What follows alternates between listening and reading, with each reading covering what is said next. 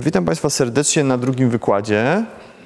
Mm, Dzisiaj taki wybrałem temat y, wirtualne skamieniałości źródłem danych paleobiologicznych, ponieważ stwierdziłem, że dobrze będzie popowiadać Państwu o tym, jak w gruncie rzeczy naukowcy pracują na materiale paleontologicznym, na skamieniałościach, jak wygląda to od kuchni.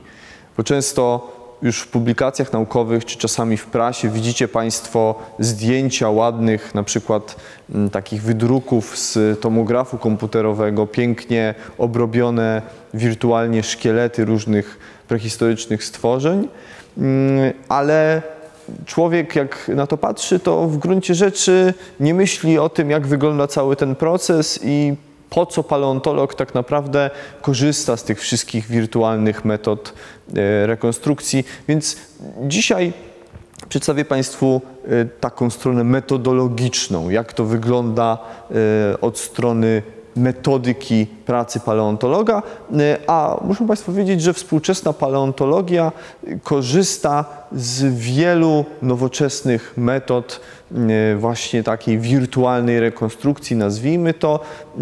Są to metody zarówno takie, powiedziałbym, bardziej przyziemne, jak robienie po prostu fizycznych odlewów, na przykład za pomocą masy silikonowej, jak i takich bardziej, bardziej już zaawansowanych, jak na przykład mikrotomografia rentgenowska i obrabianie skamieniałości w różnych programach komputerowych. O tym wszystkim sobie dzisiaj powiemy. W trakcie tego wykładu ja będę pokazywał dużo takich plansz ze strony Uniwersytetu Ohio, konkretnie z takiej instytucji, która się nazywa Whitmer Lab. Larry Whitmer to jest taki paleontolog, który się wyspecjalizował w, w, powiedzmy w takich właśnie tworzeniu wirtualnych modeli nie tylko skamieniałości, ale i również zwierząt współczesnych. Jak Państwo sobie wpiszecie w Google'a ten, te, tę frazę Whitmer Lab, to wyjdzie dużo zdjęć w grafice z tego, jak wygląda w ogóle laboratorium pana Whitmera. Tam między innymi się też takie już martwe, wypchane zwierzęta bada metodą tomografii czy mikrotomografii komputerowej po to, żeby się dowiedzieć po prostu, jak te zwierzęta są zbudowane, co one w środku mają, jak wygląda ich anatomia, ale też, żeby poznać ich biologię, zobaczyć, jak na przykład działa mózg, danego zwierzęcia, jak działa na przykład, jak jest zbudowany układ nerwowy, jak, jaka jest aranżacja powiedzmy naczyń krwionośnych i tu jest przykład taki, to jest współczesny krokodyl słodkowodny, więc zwierzę no, nie wymarłe, tylko jak najbardziej dzisiejsze, cały zwierzak i czaszka. No i jak Państwo widzą, stosując metody właśnie tomografii komputerowej, tak jak pacjent w szpitalu, taki krokodyl jest zeskanowany i możemy, ustawiając aparaturę odpowiednio, widzimy te struktury bardziej kostne, jak czaszka, czy te osteodermy, tarczki skórne, które pokrywają grzbiet tego krokodyla. No i widzimy te części bardziej miękkie, na czerwono są zaznaczone te fragmenty powiedzmy nietwarde, niezmineralizowane. Więc odpowiednio kalibrując też tę aparaturę, my jesteśmy w stanie zbadać różne aspekty biologii czy budowy tych zwierząt, w zależności co nas będzie interesowało, ale do szczegółów przejdziemy sobie za momencik. Na początku trzeba sobie zadać takie dwa fundamentalne pytania. Pierwsze to jest, kiedy w zasadzie my używamy tych metod wirtualnej rekonstrukcji, czy po prostu metod 3D, tak jak tutaj napisałem. Ponieważ no, skamieniałości są zachowane bardzo różnie, w zależności od stanowiska, w zależności od wieku, w zależności od tego, jakie warunki panowały w osadzie, to te skamieniałości będą zupełnie inaczej wyglądały, będą zachowane w inny sposób i jakieś inne ich elementy będą lepiej lub gorzej zachowane. Więc dobór metody przede wszystkim zależy od tego, z jakim rodzajem skamieniałości my mamy do czynienia. I tak się składa, że metody rekonstrukcji 3D stosujemy najlepiej w skamieniałościach zachowanych w konkrecjach, czyli w takich powiedzmy tworach geologicznych, jak sobie zwierzątko zdechnie e, i opadnie na dno morza, to na skutek różnych procesów e, takich gnilnych, często wokół tego ścierwa wytrąca się, wytrącają się różne minerały, na przykład e, fosforan wapnia i ta skamieniałość jest zamykana w takim, nazwijmy to, otoczaku e, mineralnym, czyli właśnie w takiej konkrecji. Ja na poprzednim wykładzie opowiadałem o takich e, konkrecjach ze stanowiska Mason Creek w stanie Illinois, gdzie właśnie większość perfekcyjnie zachowanych skamieniałości zachowana jest w takich węglanowych konkrecjach. Te konkrecje są często twarde, y, no nie można ich rozłupać młotkiem, a nawet jeśli by się udało, to wtedy skamieniałość by się po prostu zniszczyła. Więc żeby zajrzeć do wnętrza tej konkrecji, stosujemy na przykład metody tomograficzne. Y, Skamieniałości czasami zachowane są w postaci naturalnych odlewów, więc e, no, to już samo w sobie jest swego rodzaju e, użyciem metody, jakby natura sama nam używa pewnej takiej, stwarza pewną rekonstrukcję 3D tej skamieniałości. Czasami mamy skamieniałości zachowane w postaci przekrojów. To jest bardzo ciekawy przypadek, o tym sobie za moment powiemy. E, no i mamy pustki po skamieniałościach, czyli Często, tak jak w tym wypadku, to jest taki piaskowiec plakodermowy, o którym za chwilę też więcej słów, który jest po prostu kawałkiem skały. Tam nie ma, nie ma skamieniałości tak naprawdę, nie ma fragmentów e, wymarłych zwierząt, nie ma ich szczątków, ale one tam kiedyś były, uległy rozpuszczeniu, skała stwardniała w międzyczasie i po tych szczątkach, po tych skamieniałościach zostały dziury, zostały pustki. Więc my na przykład wtedy, jak do tych pustek nalejemy sobie silikonu i on stwardnieje, to w zasadzie mamy okaz e, tak jak e, za życia, czy powiedzmy tak jak no, wyglądała ta skamieniałość, e, kiedy zwierzątko sobie zdechło, kiedy ona tam była. Więc na przykład morfologię, kształt tych skamieniałości jesteśmy w stanie wtedy zbadać. No i przede wszystkim na zajrzenie do wnętrza skamieniałości e, służy nam zbadaniu anatomii i histologii e, właścicieli, więc to jest ta pierwsza rzecz, którą nam daje zastosowanie tych metod. My chcemy się dowiedzieć, jak jest zbudowany dany okaz, zobaczyć, jak wyglądała na przykład budowa wnętrza czaszki zwierzęcia. Kiedy mamy całą czaszkę, e, no to no, stosując powiedzmy konwencjonalne metody, musielibyśmy ją pokroić, żeby zobaczyć, jak zbudowane było, to no jakby ona jest zbudowana, jak wygląda jej wnętrze. A stosując na przykład metody tomografii komputerowej, tak jak pacjenta w szpitalu, wsadzamy tę czaszkę do tomografu i w komputerze otrzymujemy ładnie model e, jej wnętrza. Nie musimy niszczyć skamieniałości, więc to jest bardzo ważne, badając tymi metodami wnętrza różnych skamieniałości pamiętamy, że są to metody nieinwazyjne, więc to jest ogromny plus.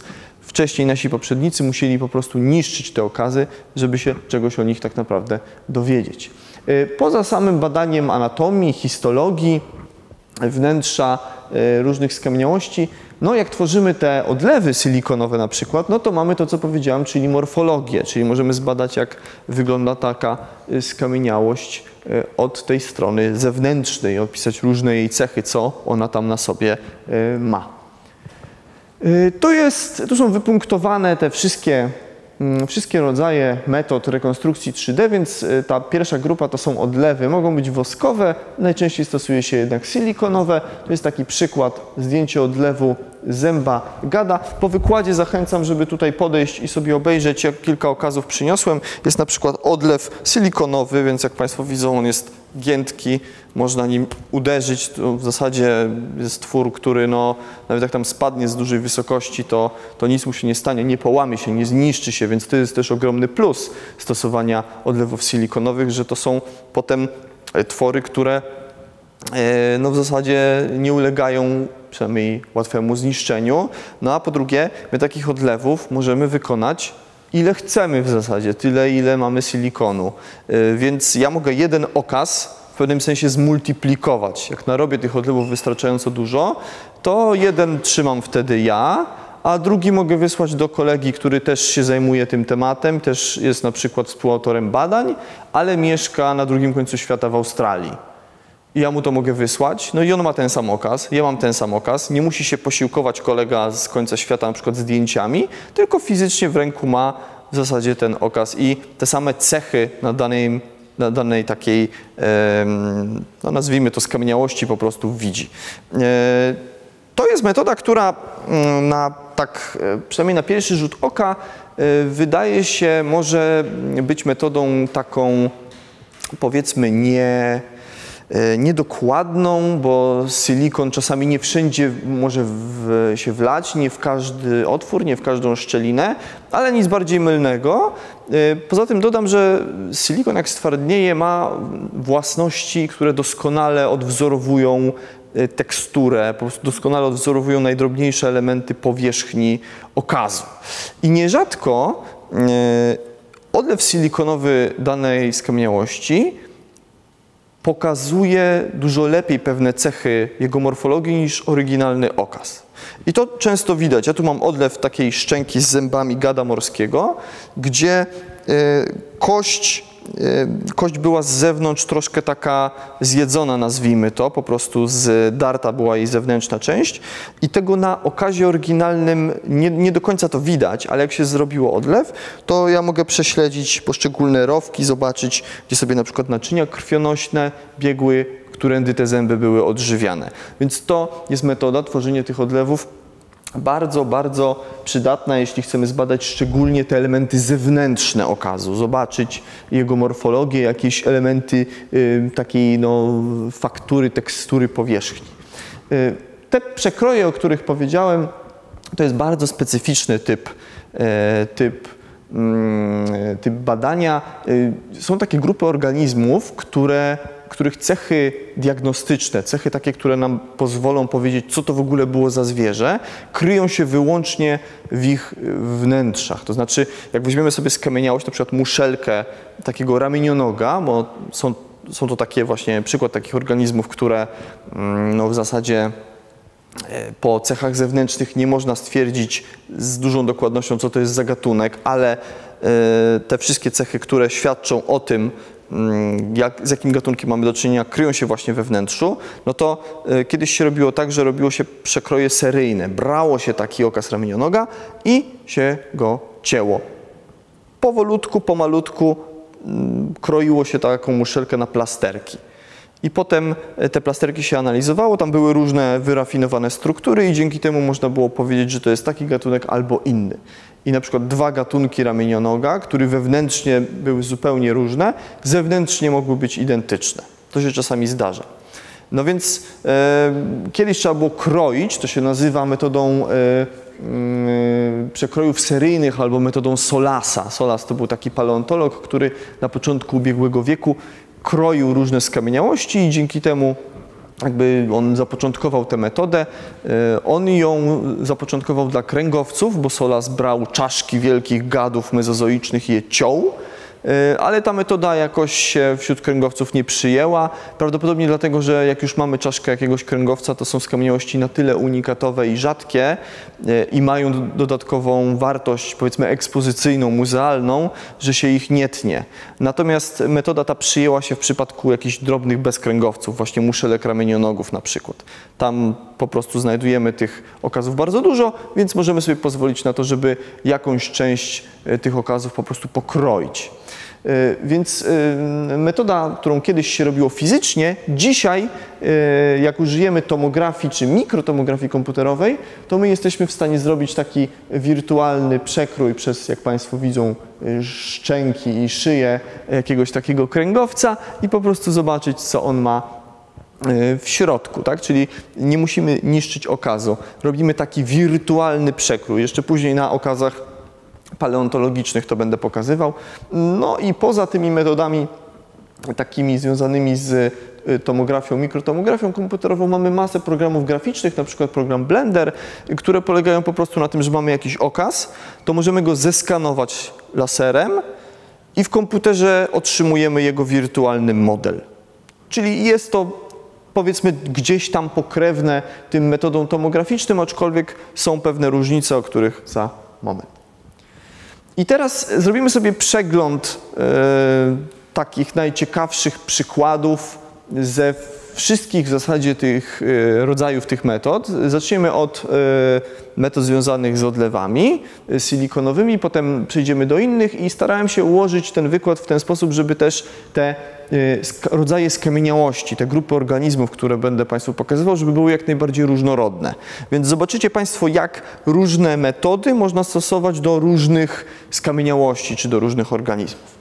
Zaczniemy sobie od piaskowców plakodermowych. To jest takie taka powiedzmy takie ogniwo, czy taka jednostka geologiczna, która występuje w Górach Świętokrzyskich. To jest trzon paleozoiczny Gór Świętokrzyskich, niedaleko Daleszyc, na górze Podłazie, zwanej czasami e, Świnią Górą.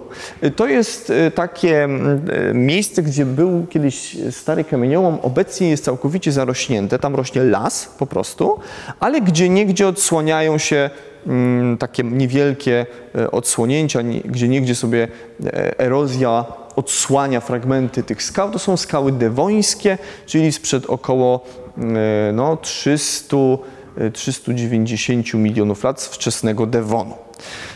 I profil geologiczny wygląda tak i tam jest dużo piaskowców, to są zdjęcia tych piaskowców, one e, mają w sobie masę takich pustek, masę dziur. Jak się weźmie kawałek tego piaskowca, to on w zasadzie sam w sobie nie ma jakichś elementów, nie ma w sobie skamieniałości. Czasami bardzo rzadko zdarzają się takie pionowe e, rureczki. To są ślady po drążeniach różnych bezkręgowców, ale generalnie e, nie ma on w sobie skamieniałości, za to ma masę tych pustek. No i e, termin piaskowce plakodermowe wziął się stąd, że kiedyś uważano, że masa tych, tych dziur pozostawionych w tym piaskowcu to są dziury po elementach szkieletowych plakodermów właśnie, czyli ryb pancernych. Ryby pancerne to jest taka całkowicie wymarła grupa ryb, która żyła w Sylurze i właśnie w Dewonie mm, i one wtedy osiągnęły ogromny sukces ewolucyjny. Rzeczywiście w Górach Świętokrzyskich znajduje się masę e, skamieniałości ryb pancernych i badacze z ubiegłego wieku sądzili, że właśnie tam dominują te ryby pancerne. Czasami, bardzo rzadko, tak jak powiedziałem, gdzieś się ostanie jakiś powiedzmy oryginalny fragment skamieniałości. Tu jest taka tarczka kostna ryby.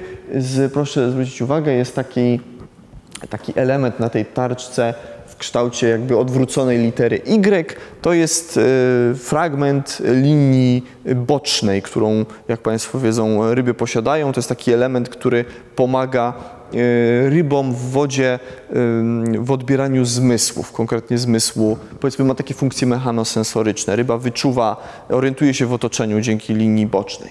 No i te ryby paleozoiczne oczywiście też taką linię posiadały, więc tak sądzono, że były, dominowały tam ryby pancerne, e, ale jak zbadano, zbadano skład dokładny tych E, tych piaskowców, no to się okazało, że tam tych ryb pancernych jest stosunkowo niedużo. E, są te tarczki z liniami bocznymi, to należą do ryb kostnoszkieletowych, czyli takich, jakie mamy dzisiaj, konkretnie do ryb mięśniopłetwych, ale są też na przykład kolce akantodów, takich ryb całkowicie wymarłych, które charakteryzowały się tym, że przed każdą płetwą posiadały kolec.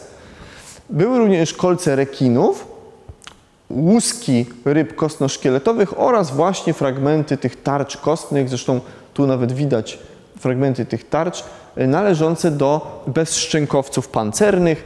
E, tu jest e, przykład takiego ekosystemu wczesnodewońskiego z mm, Podola ukraińskiego, czyli stosunkowo niedaleko, tak w skali regionalnej patrząc, Gór Świętokrzyskich.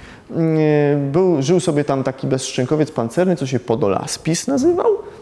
On miał, jak Państwo widzą, taką dużą tarczę głowową. Żył sobie przy dnie, tak jak większość tego typu bezszczękowców i tam sobie odcedzał e, pokarm stoni wodnej. E, I to, są, to, to jest oczywiście zdjęcie oryginalnego piaskowca, a to są odlewy zrobione z niego, więc jak Państwo widzą, e, no, widzimy dokładnie morfologię powierzchni tych tarczek. Widzimy, że na na takiej tarczy jest masa jakichś takich drobnych e, elementów morfologicznych, takich drobnych guzków. E, to zresztą pomogło w zrekonstruowaniu składu tych piaskowców. To pokazało, że tam rzeczywiście najwięcej było jednak tych bezszczękowców, ponieważ no, to, to już specjaliści od ryb dewońskich wiedzą, że e, no, w zależności jaki mamy układ tych, tych guzków na tych tarczach, to możemy stwierdzić, czy to mamy do czynienia z rybą pancerną, czy z bezszczękowcem. I tu się okazało, że dominują te bezszczękowce, ale ryby pancerne też jak najbardziej wśród nich były. Konkretnie taki rodzaj, e, co się nazywa śmiesznie kuidanowiaspis, niektórzy kużdanowiaspis czytają. No i to była ryba pancerna, e, trochę no, przypominająca kształtem ciała, w zasadzie nie rybę, tylko takiego wodnego skorpiona. W tamtym czasie w erze paleozoicznej była taka grupa morskich stawonogów, co się wielkoraki nazywały. To były takie wodne skorpiony, e, grzbietobrzusznie spłaszczone. One osiągały duże rozmiary, tak do dwóch metrów. E, no i ten kuźdonowiaspis, mimo że był rybą, to kształtem ciała je bardzo przypomina. Był grzbietobrzusznie spłaszczony, więc najprawdopodobniej też żył gdzieś przy dnie i polował sobie na takie E, niewielkie bezszczękowce. E, ten kużdanowiaspis został opisany również z Devonu Podola, ale właśnie te e, badania z użyciem tych odlewów silikonowych pokazały, że część tych tarczek, konkretnie taka duża tarcza wystająca tutaj, to nie jest płetwa, to jest płetwa, a przed tą płetwą on miał taką wygiętą do tyłu potężną e, sierpowatą taką płetwę i między innymi to pomogło określić, że właśnie ten konkretny rodzaj ryby pancernej tutaj żył.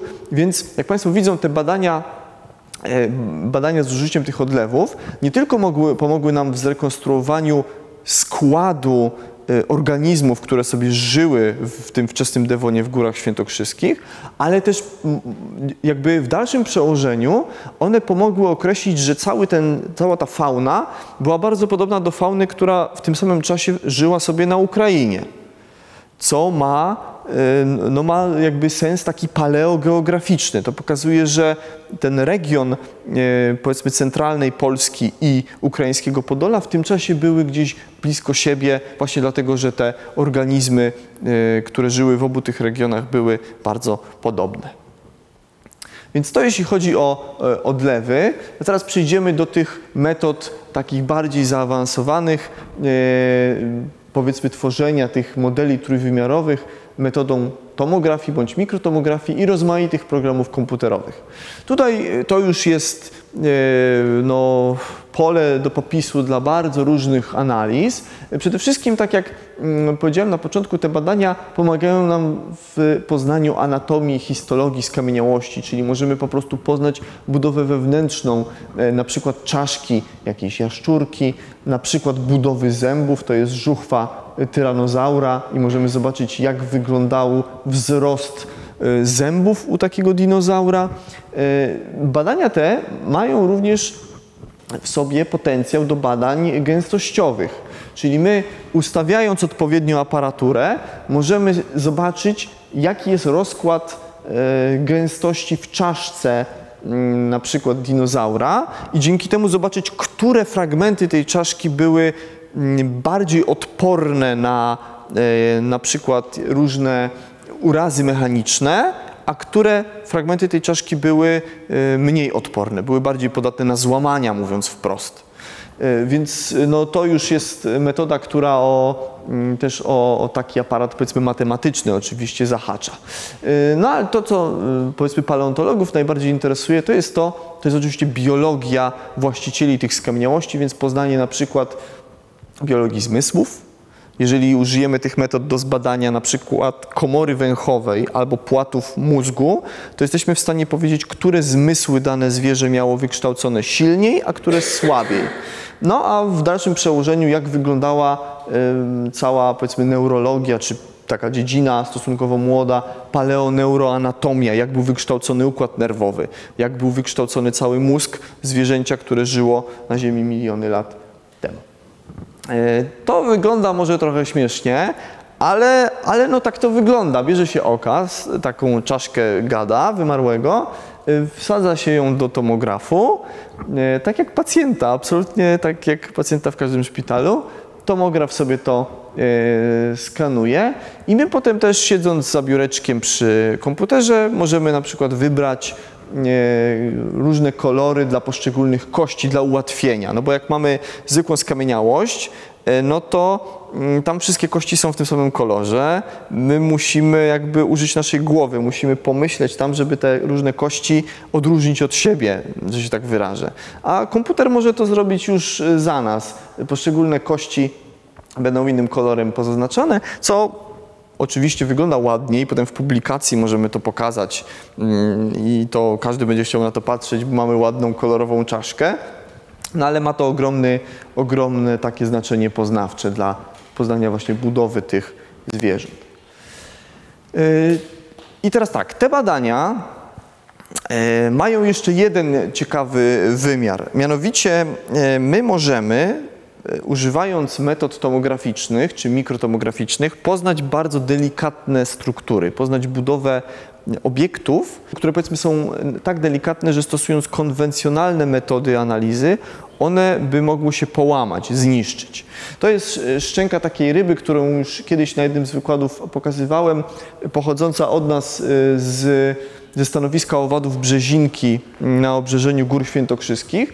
E, ta szczęka jest niewielka tak naprawdę, ona ma 4 cm długości. Proszę zwrócić uwagę, tak to wygląda. Ona siedzi sobie w płycie wapiennej i zęby, zęby po prostu wchodzą w ten wapień. Te zęby są bardzo delikatne, jak Państwo widzą, cieniutkie.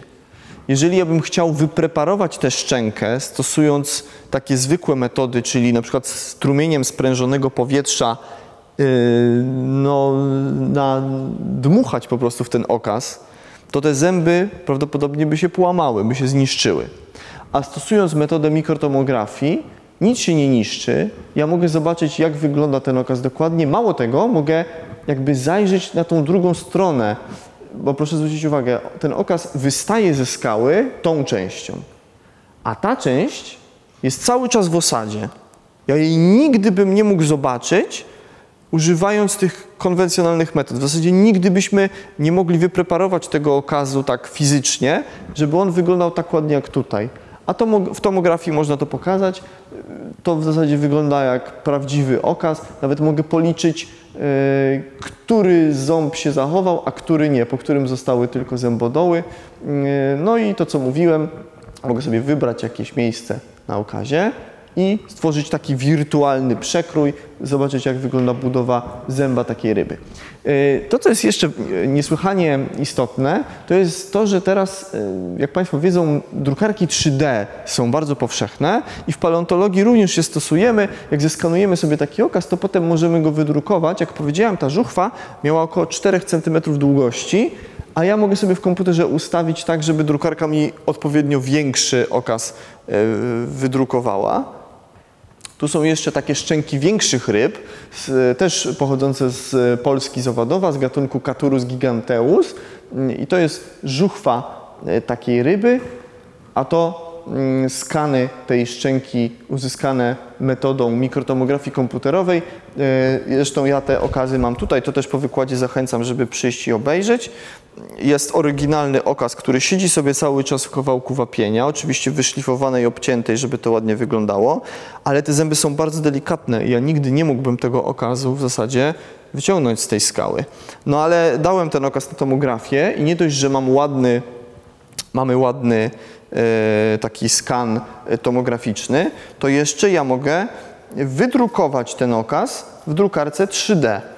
I to zrobiliśmy i mam okaz 1 do 1 E, dzięki drukowi 3D, ale jak e, będzie mi się chciało, to mogę sobie zażyczyć, żeby ten okaz był odpowiednio większy i tę szczękę wydrukować dwukrotnie większą. I to e, ma ogromne znaczenie, dlatego że no, wygląda to ładnie, ale przede wszystkim ja mogę ten okaz wziąć do ręki w odpowiednim powiększeniu i zajrzeć do niego, co on gdzie ma. Y, to jest jednak inaczej niż gdybym ja miał tylko y, ten skan na ekranie komputera.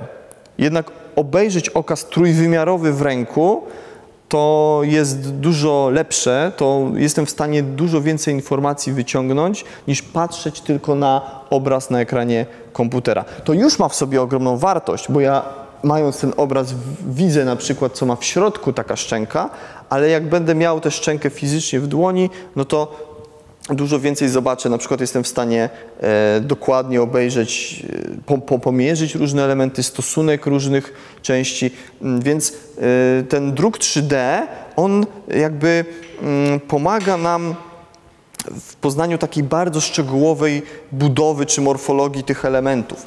E, no, stosując te badania e, tomograficzne czy mikrotomograficzne, e, my też jesteśmy w stanie, tak jak powiedziałem wcześniej, zbadać gęstość tych obiektów i tutaj takie badanie kiedyś wykonałem i się okazało, że na przykład przód tej szczęki miał większą gęstość niż tył tej szczęki. A potem jak wziąłem okaz wydrukowany, no to jeszcze zauważyłem, że jakby ta przednia część żuchwy, tak zwana symfyza, jest też dużo grubsza niż szczęka z tyłu, co najprawdopodobniej wiązało się z tym, że to zwierzę atakowało swoją ofiarę właśnie tą przednią częścią pyska. E, zresztą to też udało się wykazać, czego na oryginalnym okazie do końca nie widać, że z przodu pyska tu był taki dodatkowy rząd zębów, który później Państwo będziecie mogli obejrzeć. Więc rzeczywiście te metody zarówno tomografia, jak i druk 3D pomagają nam w zrozumieniu e, nie tylko budowy, ale w ogóle biologii właścicieli tych okazów. Pomagają nam w zrozumieniu tego, jak sobie te zwierzęta żyły, jak pływały, czy też właśnie jak polowały, jak zdobywały pokarm. No, ale nie tylko do paleontologii kręgowców, mm, nie tylko do badania kości stosujemy te metody, bo Państwu się może tak kojarzyć, że w sumie no, w tomografii to się bada kości, prawda, wnętrze jakichś czaszek, kości długie, zęby, trochę tak jak z nami, prawda? No, my idziemy, y, jak nam się robi tomografię, no to na przykład jak sobie złamiemy rękę, albo jak y, coś, mamy problemy z głową i chcemy zobaczyć, y, czy, czy z naszym mózgiem, czy z wnętrzem czaszki jest wszystko ok. Ale z bezkręgowcami też jest to jak najbardziej możliwe. To też jest przykład z Polski. Specjalnie tak podobierałem te te tematy, żeby tu najwięcej było tematów polskich. Jest taki kamieniołom znowu w Górach Świętokrzyskich, nazywa się Kowala. To też jest kamieniołom dewoński, czyli tak jak te ryby pancerne na początku, ale już z końca okresu dewońskiego, czyli tak z grubsza sprzed 300, powiedzmy 60 milionów lat. I tam, tam się spotyka masę różnych skamieniałości, pięknie zachowanych. Między innymi są takie ścieżki trylobitowe, taki trylobici peleton, gdzie jeden trylobit, trylobity to były takie paleozoiczne stawonogi, e, trochę przypominające powiedzmy karaluchy, tylko że żyły na dnie morza. E, I one sobie jeden za drugim chodziły. Mm, to były trylobity z takiego, e, z takiego gatunku, który został nazwany Trimerocephalus hopini, dlatego że został opisany po raz pierwszy w, w roku chopinowskim, więc na cześć Fryderyka Chopina, Trimerocephalus hopini. To były trylobity, które były ślepe, nie miały oczu w ogóle y, i najprawdopodobniej w środowisku wodnym kierowały się zmysłami chemicznymi. One wyczuwały różne impulsy chemiczne, y, no a że trylobity miały te swoje różne antenki, to były w stanie te chemiczne sygnały wychwytywać. Taka chemosensoryka pierwotna. Bardzo podobnie się zachowują dzisiejsze langusty. One też tak na dnie morza, gęsiego, jeden za drugim sobie idą. Też langusty wychwytują sygnały chemiczne. Więc tak wyglądał tryb życia, biologia tych polskich trimerocefalusów. No ale badacze stwierdzili, że czasami, mimo że one idą gęsiego, to czasami tu gdzieś mm, mamy do czynienia z jakimś takim jakby takim miejscem, gdzie tych trylobitów jest więcej, no bo proszę zwrócić uwagę, tu mamy jeden za drugim, jeden za drugim i nagle w jednym miejscu się robi jakiś taki e, tłok. E, no i co tu się stało? Jakby próba rekonstruowania tego, jak wyglądała ta historia. Czy to po prostu są różne trylobity, które się tu zbiegły? No tylko, że to by nie miało sensu, bo one, tak jak te langusty, powinny iść jeden za drugim. No i użyto, użyto takiej właśnie e, mikrotomografii rentgenowskiej. Zbadano jeden okaz, no i się okazało, że to jest po prostu okaz, który zrzucał, był w trakcie zrzucania wylinki. Bo stawonogi, One linieją, to są zwierzęta liniejące, zrzucają tę wylinkę co jakiś czas. Trylobity też tak robiły. Większość w ogóle skamieniałości trylobitów, jakie znajdujemy na całej Ziemi, to są właśnie wylinki. To nie są skamieniałości pozostawione przez jakby martwego trylobita, tylko to są te wylinki, które zwierzę zrzuciło i się zakonserwowały w osadzie. No i tu mamy taki zamrożony w czasie moment, jak e, te trylobity, przynajmniej kilka z nich sobie e, tę linkę zrzucały. Bardzo podobnie postępują dzisiaj niektóre z, e, ze stawonogów morskich, na przykład skrzypłocze. Więc proszę zwrócić uwagę, że no, poznaliśmy, jakby dowiedzieliśmy się, że te zwierzęta też 360 milionów lat temu, ich fizjologia w zasadzie wyglądała tak, jak fizjologia stawonogów dzisiaj. I mało tego, mamy to w zasadzie zamrożone w miejscu i w czasie. Linka sprzed e, tych, ten moment linienia trylobita sprzed 360 e, milionów lat. Niezwykle ciekawy. E, no ale myślę, że najbardziej Państwa będą interesowały badania wielkich mezozoicznych gadów. No i tutaj to jest pole do popisu, tak jak powiedziałem na początku wykładu, na stronie Whitmer Lab możecie Państwo masę zdjęć czaszek wielkich dinozaurów, wielkich również zwierząt dziś żyjących zobaczyć, jak się tworzy modele tych czaszek, jak się bada ich mózgi, e, mózgi ludzkie też jak najbardziej tam e, można e, sobie obejrzeć, a nawet zobaczyć jak E, mózg dinozaura, to jest mózg dinozaura pancernego sprzed e, no, 70 powiedzmy milionów lat, e, jak, jak wyglądał i jak wyglądała jego budowa wewnętrzna, bo ten mózg można było nie dość, że zrekonstruować trójwymiarowo, to jeszcze go pociąć tak wirtualnie na plasterki i w zasadzie zobaczyć, jak te zwoje się tam układają, jak wygląda budowa mózgu, który tak naprawdę się nie zachował. Mamy tylko powiedzmy wnętrze mózgoczaszki, ale stosując te metody, my jesteśmy w stanie ten mózg zrekonstruować. No i e, to jest e, metoda, która łączy się z zastosowaniem również wszelkiej maści programów graficznych. E, to jest taki kamieniołom, znowu w Górach Świętokrzyskich, Morawica, kilkanaście kilometrów na południe od Kielc.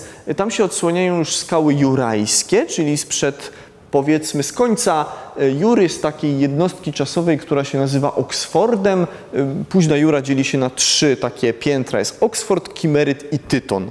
Więc najwcześniejsza późna Jura, Oxford powiedzmy 155-160 milionów lat temu.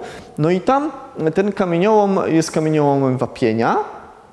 I oni, ten kamieniołom słynie z tego, że oni produkują płyty na parapety. No i e, na tych płytach jest masa różnych pięknie zachowanych skamieniałości. E, w budynkach użyteczności publicznej w Warszawie też często ten wapień morawicki można znaleźć. Jak Państwo pojadą na pocztę główną na ulicę Świętokrzyską, no to tam cała podłoga na poczcie głównej jest z tego wapienia morawickiego zrobiona i pięknie zachowane przekroje przez muszle, na przykład amonitów. Można tam oglądać. Polecam się tam udać e, w jakiś wolny dzień i sobie z lubką skamieniałości pooglądać oglądać, więc dominują bezkręgowce tam, ale czasami zachowują się również kręgowce. No i yy, został znaleziony kilka takich płyt, na których są przekroje przez czaszkę jakiegoś wielkiego yy, gada. No ja się wziąłem za to jakiś czas temu i yy, udało mi się stwierdzić, że to była czaszka ichtiozaura takiego gada y, morskiego. To były gady morskie, które żyły w erze dinozaurów. Z dinozaurami z grubsza y, spokrewnione nie były, y, ale rządziły w tym czasie oceanami.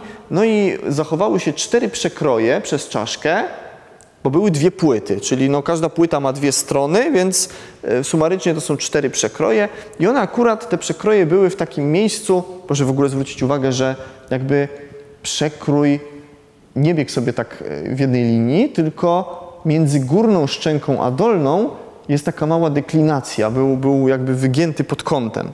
E, więc e, pod innym kątem on biegnie przez górną szczękę, a pod innym troszkę kątem przez żuchwę. Ale bieg tutaj, gdzie zwierzę miało nozdrza, w tym rejonie, gdzie była komora węchowa tego gada, to jest jej wnętrze. Ono ma taki charakterystyczny, soczewkowaty kształt. Była bardzo duża, co ciekawe, ichtiozaury były gadami, one przystosowały się do życia w morzu tak jak dzisiejsze walenie, które są ssakami i y, no, z grubsza wyglądały podobnie, miały powiedzmy inaczej ustawioną płetwę ogonową, bo ichtiozaury miały płetwę pionową, walenie mają, jak Państwo wiedzą, poziomą, dlatego walenie, kiedy sobie e, płyną w toni wodnej, to machają ogonem z góry na dół i wieloryb czasami może ten ogon tak ładnie majestatycznie nad wodę e, wyciągnąć. Ichtiozaury poruszały się tak jak ryby. One miały płetwę ogonową, więc e, ogonem machały z boku na bok, a nie z góry do dołu, więc to jest taki szczegół w ich ogólnej budowie. Ale co ciekawe, wieloryby które są ssakami, tak jak ichtiozaury, które są gadami, obie te grupy, y, no, oddychają powietrzem atmosferycznym. Co jakiś czas muszą podpłynąć do tafli wody i zaczerpnąć haust powietrza. I Państwo na pewno widzieliście na różnych y, programach dokumentalnych czy na różnych filmach, jak wieloryb podpływa do tafli wody, to Y, jakby tworzy się ta charakterystyczna taka fontanna, prawda? On wydmuchując powietrze, woda też wylatuje, resztki jakiejś wody są wzburzane do góry, no i tworzy się fontanna. Natomiast kiedy zaczerpnie haust powietrza, zamyka nozdrza. Wieloryby mają nozdrza na szczycie czaszki, na szczycie głowy, więc on tylko fragmentem ciała jakby podpływa do tafli wody, wystawia te nozdrza, które są na czubku głowy, za, jakby bierze haust powietrza i znika. No ale zanim się zanurzy, to te nozdrza zamyka. Natomiast ichtiozaury miały nozdrza nie na szczycie głowy, ale po bokach czaszki i wedle naszej wiedzy nie miały mechanizmu blokującego nozdrza. One nie były w stanie zamykać nosa, e, kiedy były pod wodą. E, I teraz e, to wydało mi się ciekawe. Ja stwierdziłem, że to to na pewno miało jakąś funkcję, bo w przyrodzie tak jest, w biologii tak jest, że no, każda jakby jest prymat funkcji nad strukturą, e, każda struktura musi pełnić swoją jakąś rolę. No i stworzyliśmy ze, z kolegami, razem zeskanowaliśmy te płyty wapienne z tymi kośćmi, stworzyliśmy taki model 3D tej, tego fragmentu zachowanego, czyli tej komory węchowej, no i stwierdziliśmy, że ona była bardzo duża, więc najprawdopodobniej musiała pełnić jakieś role e, takie związane z węchem, z powonieniem. Fajnie by było, jakbyśmy mieli zachowany y, mózg na przykład, albo puszkę mózgową tego gada, wtedy bylibyśmy na 100% e, pewni, moglibyśmy stwierdzić, które płaty mózgu były jak wykształcone, ponieważ u ichtiozaurów w literaturze jest tak, że u niektórych gatunków Y, stwierdza się, że płaty węchowe mózgu były bardzo dobrze wykształcone, a u innych, że były tak powiedzmy no, słabo. Więc niektóre formy prawdopodobnie miały dobry węch, a niektóre miały gorszy. Tutaj nie mieliśmy mózgu, no ale mamy, yy, mamy ten fragment komory, która była dość duża. Ja ją porównałem z komorami węchowymi innych ichtiozaurów. Stwierdziłem, że jest to jedna z większych, więc raczej musiał mieć węch dobry. E, natomiast e, no, najczęstszym zmysłem, jaki się bada u ichtiozaurów, to jest ich wzrok, e, dlatego że one mają bardzo duże oczy, które pokrywają większą część mózgu czaszki, no więc skoro miały duże oczy, to na pewno doskonale widziały. Niektóre gatunki, jak oftalmozaurus, były w stanie nurkować poniżej 500 metrów. Poniżej 500 metrów panują absolutne ciemności, tam nic nie widać. E, więc rzeczywiście ten wzrok pomagał im w ciemności w, w lokalizowaniu zdobyczy. E, prawdopodobnie nocą też sobie świetnie radziły, wtedy nie musiały pływać nigdzie na dużą głębokość. One polowały na ryby i głowonogi, więc no powiedzmy, że głowonogi niektóre lubią żyć w głębinach, ale ryby równie dobrze przy e, powierzchni wody, jakieś ławice ryb sobie pływają. Więc wzrok był na pewno tym zmysłem takim przewodnim u ichtiozaurów. Zdecydowanie one kierowały się zmysłem wzroku, szczególnie w ciemnościach. Natomiast o, o innych zmysłach mniej wiadomo. Prawdopodobnie też dlatego, że no właśnie ze względu na to, że te gady miały duże oczy, to jest to taka cecha, która się rzuca w oczy. Więc e, większość badaczy woli badać e, na przykład zmysł wzroku ichtiozaurów, bo jak już ma ładną czaszkę, no to widzi piękne, wielkie oko, e, więc no jakby powiedzmy, że ciągnie tego naukowca, żeby zająć się tym zmysłem wzroku. Żeby zbadać na przykład węch, no to musimy już mieć jakieś elementy wnętrza tej czaszki. Musimy właśnie albo zajrzeć do wnętrza jego nosa, albo mieć ten, te wnętrze mózgu. To nie są już rzeczy, które widać na pierwszy rzut oka. My musimy, powiedzmy, wpaść na ten pomysł. Ten materiał był na tyle dobry, że właśnie no, mieliśmy zachowaną tę komorę węchową, więc mogliśmy się skupić konkretnie na tym jednym aspekcie. I teraz tak, ichtiozaury, z racji, że one nie zamykały nosa pod wodą, to jest ten argument, który mówi za tym, że rzeczywiście y, węch mógł tutaj pełnić konkretną rolę. Tym bardziej, że ichtiozaury nie miały jeszcze jednej ważnej y, cechy anatomicznej, którą posiadają wieloryby. Mianowicie ichtiozaury nie posiadały wtórnego podniebienia które wieloryby mają. Mają takie wtórne, kostne podniebienie, y, dzięki czemu no, jakby y, wnętrze y, jamy nosowej y, jest całkowicie odcięte. Czyli zarówno zamykają nozdrza od zewnątrz, jak i w środku mają kostne podniebienie, więc ta komora węchowa jest całkowicie odcięta pod wodą. No natomiast ichtiozaury nie zamykały nozdrzy, nie miały kostnego podniebienia, więc w wodzie sobie ten e, woda razem z cząstkami zapachu, cząstki zapachu są na czerwono, woda na niebiesko, mogły sobie wlecieć do tej komory, woda sobie wypływała bokami po prostu, e, co też implikuje nam to, że taki ichtiozaur jak płynął, musiał mieć otwarty pysk pod wodą, e, albo przynajmniej w pewnym sensie nieszczelny gdzieś, gdzieś musiał mieć delikatnie przynajmniej uchylony, żeby sobie ta woda bokami wypływała. Więc takie ciekawe rzeczy można, można zrekonstruować, nie tylko jak był zbudowany, ale też jakie to funkcje pełniło. E, więc to były te ichtiozaury, ale to były badania e, takie powiedzmy, no, no, nie mieliśmy tych płatów mózgu, mieliśmy tą komorę węchową, ale czasami e, mamy zachowane ładną mózgoczaszkę i jesteśmy w stanie zrekonstruować mózg. Jest taka grupa wymarłych gadów zwana fitozaurami. To są gady bardzo podobne, tu mamy fitozaury. One są bardzo podobne do dzisiejszych krokodyli na przykład do gawiala albo do krokodyla słodkowodnego. Krokodyl słodkowody, krokodylus johnstoni to jest ten, którego na pierwszym slajdzie Państwo widzieliście, gdzie był ładnie e, pokazany e, już taki model 3D e, za pomocą tomografii komputerowej. To są krokodyle, które mają takie długie szczęki. Fitozaury też miały jak najbardziej takie długie szczęki, ale proszę zwrócić uwagę, nozdrza były inaczej położone. Y, u fitozaurów były one blisko nasady pyska, tu albo tu, a u krokodyli czy gawiali nozdrza są na końcu. Gawiala jest tutaj, u krokodyli jest tutaj. Czyli krokodyle mają daleko na przodzie pyska nozdrza, fitozaury miały tutaj bliziutko. E, no i teraz pytanie, skoro in, inna była aranżacja tych struktur, inaczej były położone, czyli inaczej wyglądała budowa tych nozdrzy i w ogóle całego tego systemu węchowego, inna była budowa tego pyska, czy ma to jakiś wpływ na ich biologię, na ich na przykład e, oddychanie, na ich zmysły.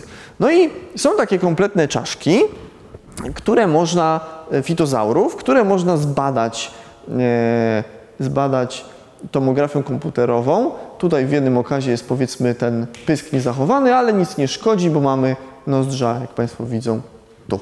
Mózgoczaszki są trójwymiarowo zachowane, więc jak je damy na tomografię, to model mózgu, który otrzymamy, również będzie trójwymiarowy, bo o tym trzeba jak najbardziej pamiętać. Jeżeli by ta czaszka była na przykład jakoś zmiażdżona, któraś oś by była przesunięta, jakaś jej część byłaby powiedzmy zrotowana, to już by nie nadawało się to najlepiej do takiego badania, bo to by no, po prostu świadczyło o tym, że te poszczególne części wnętrza mózgu czaszki, w tym miejscu, gdzie był mózg, też były jakoś zrotowane, też były jakoś zmiażdżone.